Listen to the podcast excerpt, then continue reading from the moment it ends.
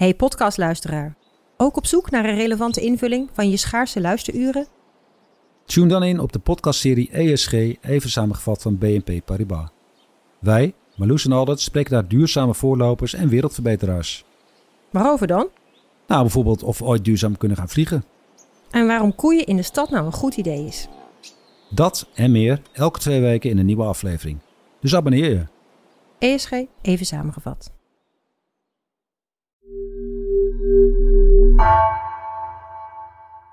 Vanaf de redactie van NRC vertellen we je elke dag het verhaal van vandaag. Nieuwsverhalen die raken, verrassen of iets aan het licht brengen. Maar wat gebeurt er na de eindtune? Deze week hoor je van vijf verhalen hoe het verder ging. Dit is het vervolg van vandaag. Mijn naam is Egbert Kalsen.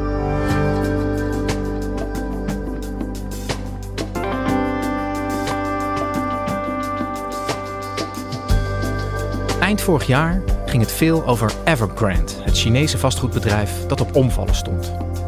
Het bedrijf was zo groot dat de vrees bestond dat het in zijn val de hele Chinese economie mee zou nemen, met grote gevolgen voor de wereldeconomie. Is dat ook gebeurd? Correspondent Gary van Pinksteren legt uit dat China nu op een keerpunt is aanbeland.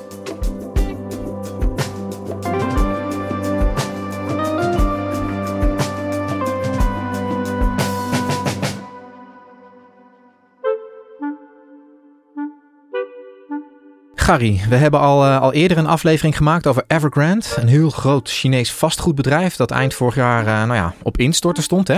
Op het punt van faillissement stond dat.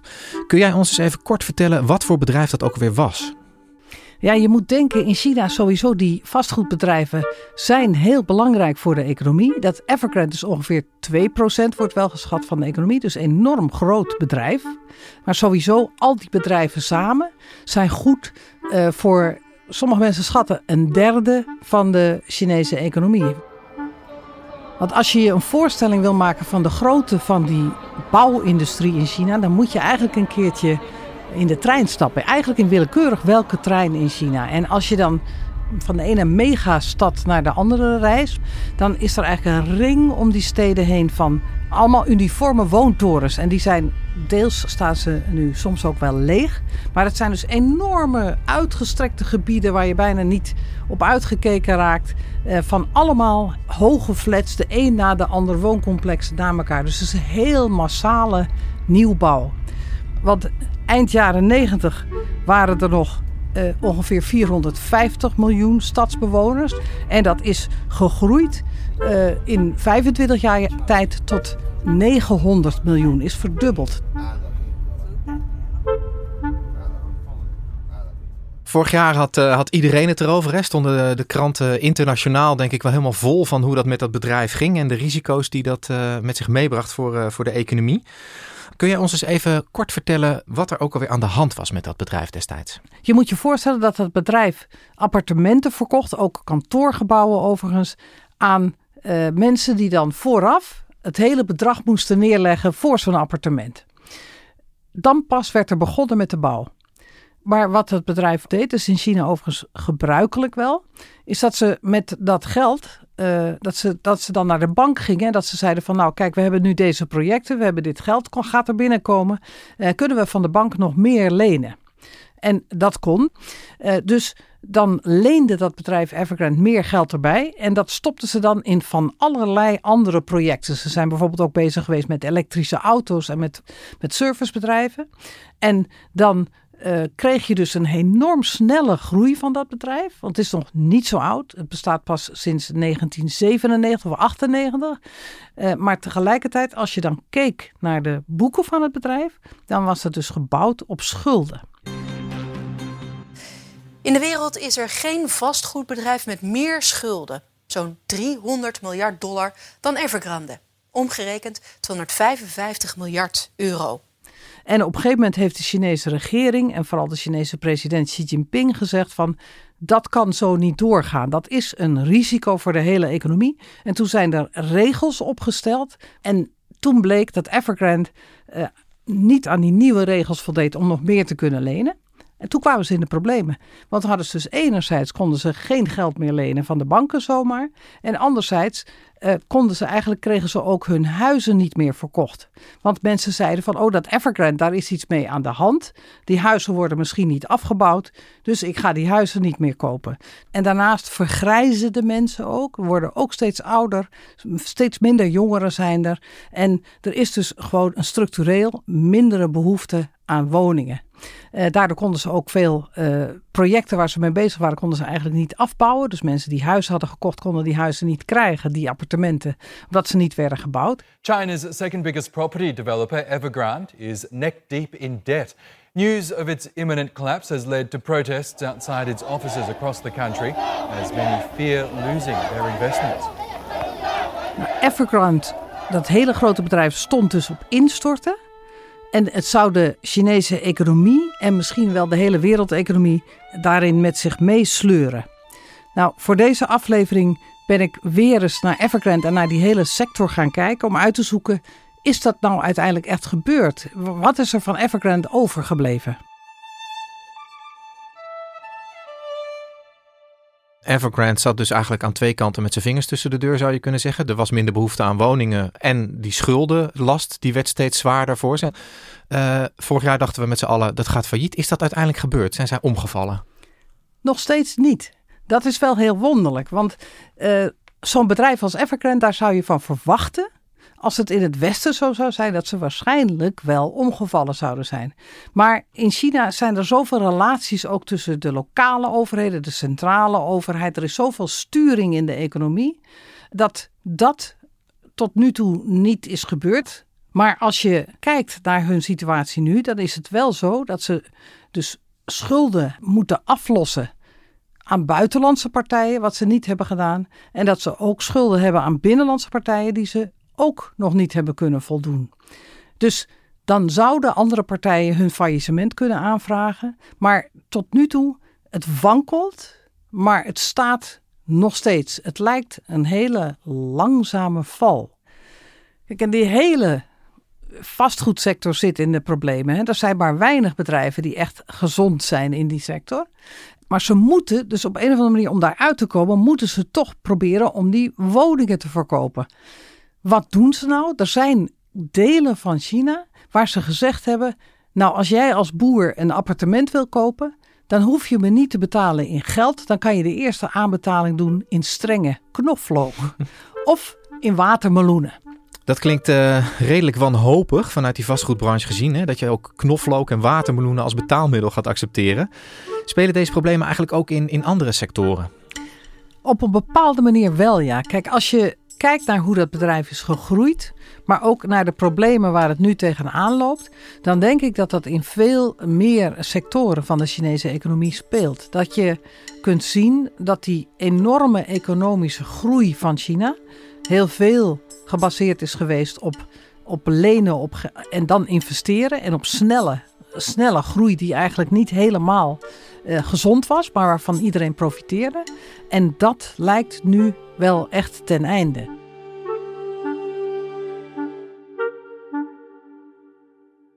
Hoe vertaalt zich dat in de economie? Zie je dat terug in, in hoe het gaat met de economische groei in China? Dat kost economische groei. En je merkt het vooral als je kijkt naar de cijfers. Dan merk je het in dat er bijna geen economische groei meer is. In het tweede kwartaal, als je de groeicijfers daar kijkt, was die officieel nog maar 0,4 procent. Voor China idioot laag.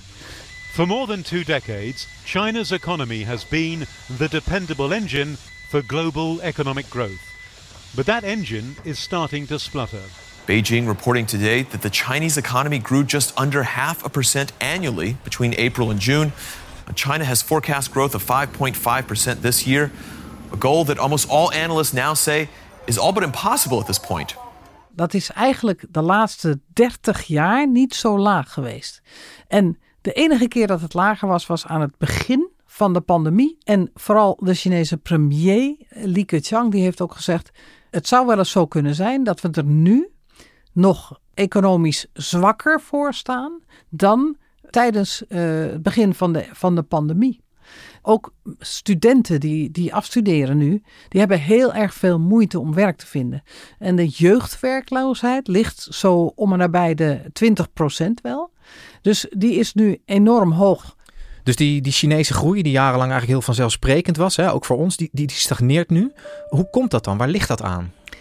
Nou, dat is een reeks van redenen. Eén is dat president Xi Jinping eigenlijk dat ook dat wilde kapitalisme, zou je kunnen zeggen, niet meer wil toelaten. Omdat hij heeft gezegd dat uh, we moeten bijvoorbeeld ook de welvaart gelijker verdelen. Dat is een van de redenen waarom hij bijvoorbeeld ook de aanval heeft ingezet op Chinese techbedrijven. Hè. Alibaba kennen we allemaal. Dat, dat is ook zo'n bedrijf, privébedrijf, net als Evergrande, dat heel snel gegroeid is.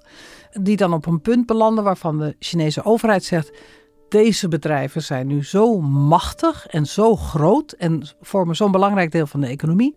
Wij vinden dat een bedreiging. Wij vinden dat niet alleen een bedreiging voor de economie, maar Xi Jinping vindt het vooral ook een bedreiging voor de maatschappij. Die zegt dat zijn stinkend rijke mensen die menen zich alles te kunnen veroorloven, uh, die heel veel macht aan zich kunnen trekken doordat ze economisch zo sterk zijn. Dat is niet goed. Die macht ja, uiteindelijk een macht over de economie, die macht over de maatschappij, moet liggen bij ons, bij de Communistische Partij van China. En niet bij private bedrijven. En het is niet meer zo, en dat is een hele grote omslag in de Chinese economie, dat je er gewoon donder op kan zeggen: de Chinese overheid redt altijd Chinese bedrijven. Chinese bedrijven gaan niet failliet. En daarmee lijkt er een beetje het einde ingezet, of in ieder geval een hele moeilijke periode aangebroken voor al die grote privé conglomeraten die sinds de jaren negentig zo'n beetje uh, zijn ontstaan.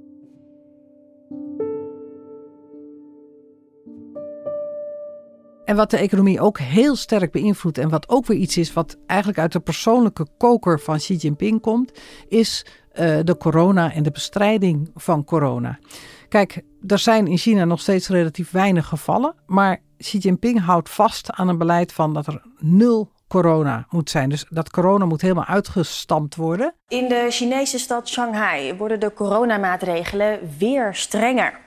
Een deel van de 25 miljoen inwoners zit al weken in lockdown en moet nog langer binnen blijven. De schatting is dat uh, midden juli zo ongeveer, iets later, dat ongeveer een kwart van de Chinese economie invloed ondervindt van die lockdowns. Dat er meer dan 40 steden gedeeltelijk of geheel uh, in lockdowns waren. En, en als ik het dan uh, nog even terug probeer te brengen naar Evergrande. Is dat nou, is, dat, is Evergrande dan een soort trigger geweest die dit allemaal in gang heeft gezet? Of, of, of zijn zij eigenlijk meer slachtoffer geworden van een economie die sowieso uh, op het randje van wankelen staat, zeg maar? Ik denk dat er twee kanten aan zitten. Enerzijds uh, denk ik dat Evergrande met het gedrag wat zij hebben vertoond een gevaar hebben gevormd voor de Chinese economie.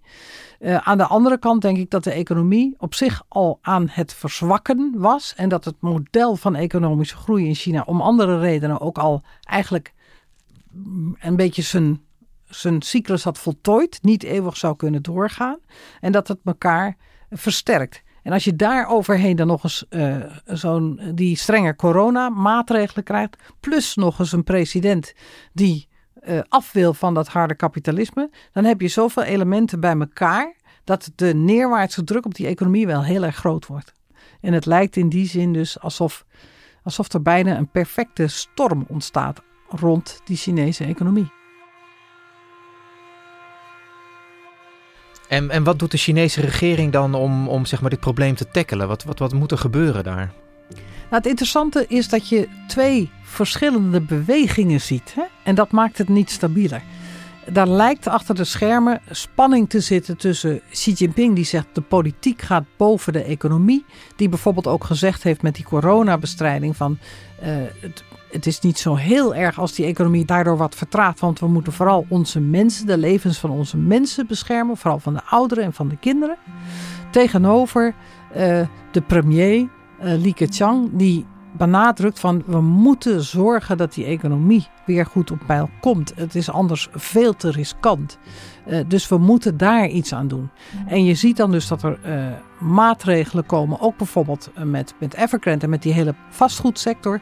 Dat je dan enerzijds dus strenge maatregelen ziet van je mag niet meer lenen. Als daarmee lijkt de hele sector onderuit te gaan, dat er dan toch weer wordt gezegd van nou je mag misschien toch wel weer wat lenen of er komen weer wat, wat versoepelingen of uh, we houden bijvoorbeeld de geldvoorraad houden we groot. Of banken hoeven minder reserves te hebben. Of dan toch weer meer. Dat gaat heel erg heen en weer. Uh, er wordt heel erg getrokken en geduwd door die, die, eigenlijk eh, door die spanning tussen... Is het nou de politiek die de baas is? En is het nou ook bijvoorbeeld ideologische zuiverheid? En is het een meer pure vorm van socialisme en communisme met gelijkheid wat voorop moet staan? Of kunnen we ons dat allemaal niet veroorloven en moeten we zorgen dat die economie vooral weer aan de praat komt. Daar zit een grote uh, spanning in op dit moment. En het lijkt er toch naar dat president Xi Jinping daarin de zwaarste stem uh, zal blijken te hebben. En dat betekent dus uh, dat is een slecht voorteken voor de Chinese economie. Ja, want, want eh, het is een beetje een lastige vraag, want in China is dat niet zo makkelijk als hier. Maar vertaalt dit beleid van Xi Jinping zich nou in een grotere populariteit van hem? Of voelen de mensen eh, de economische pijn en zijn ze hem wat meer aan het afschrijven en willen ze hem eigenlijk niet meer? Nou, dat is een hele interessante vraag. Hè? Want lange tijd zou ik zonder meer gezegd hebben: uh, Xi Jinping is razend populair. De bevolking steunt dit ook heel erg. De bevolking is heel bang voor corona, steunt zijn maatregelen daarin. Maar langzamerhand lijkt dat een beetje anders te voelen. Zijn er meer mensen, bijvoorbeeld ook door wat er in Shanghai gebeurde. Die stad is uh, twee maanden zo'n beetje helemaal dicht geweest. Daar waren mensen heel, heel ontevreden over. Ook door de onredelijkheid vaak van maatregelen. Dat zie je nu vaker, dat de maatregelen als onredelijk worden ervaren. Mensen gaan het dus ook voelen in hun portemonnee. Het lijkt alsof de onvoorwaardelijke steun die hij had, alsof daar aan geknabbeld wordt. Maar inderdaad, in China weet je het nooit precies, want dat soort dingen wordt niet gepeild en niet officieel gezegd. Maar je voelt dat er minder acceptatie is, dat er meer vragen zijn, dan dat er bijvoorbeeld een jaar geleden nog waren. Ja.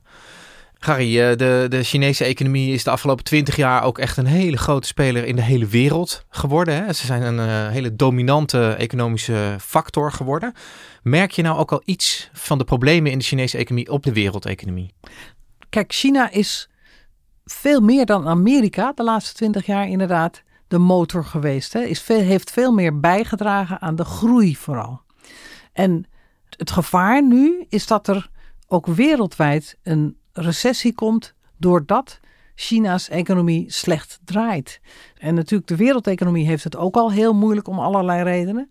En je kunt dus verwachten dat als die Chinese economie langere tijd niet meer groeit, dat dan de wereldeconomie ook niet meer groeit en misschien zelfs in een recessie komt. En daar is al veel angst voor. Ja, ja jij zegt het bijna in een bijzin, maar we hebben inderdaad met een oorlog in Oekraïne te maken, met hogere energieprijzen, inflatie wereldwijd, voedselprijzen die allemaal door het dak gaan. Welke rol speelt China hier dan precies in?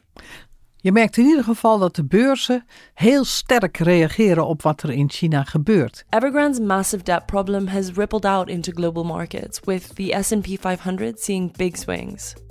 This one company has got markets on edge, and its struggles could have big repercussions for global investors. En het lijkt nu voor het eerst, je ziet dat bij buitenlandse investeerders bijvoorbeeld, dat die zich afvragen van kunnen we er nog wel van op aan dat we Chinese uh, schuldpapieren, dat dat altijd terugkomt.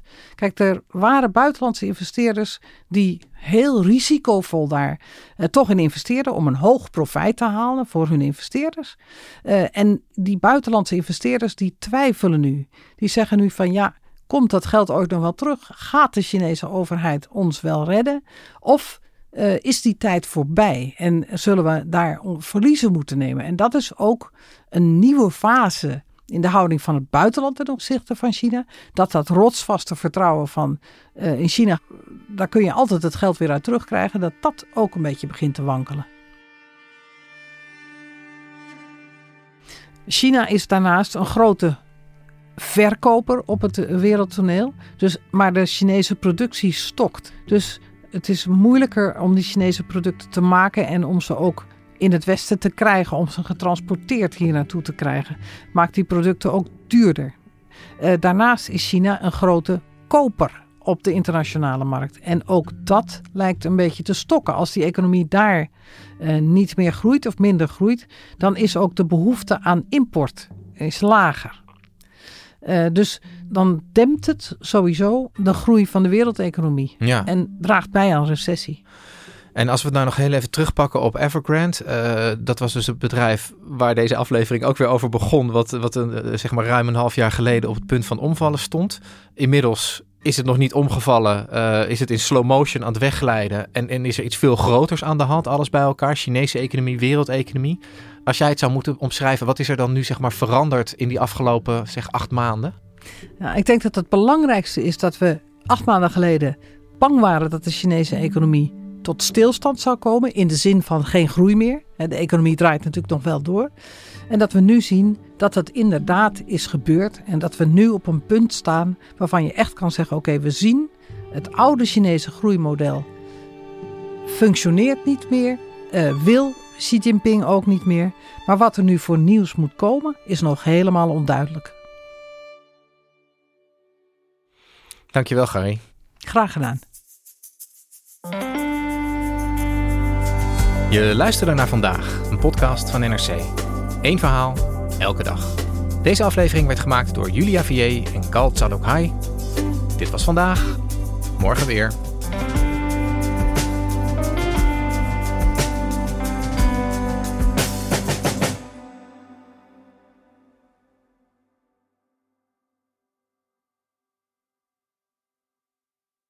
Technologie lijkt tegenwoordig het antwoord op iedere uitdaging. Bij PwC zien we dit anders. Als we de potentie van technologie willen benutten, kunnen we niet zonder een menselijk perspectief. Human-led, tech-powered noemen we dat. Ga naar pwc.nl.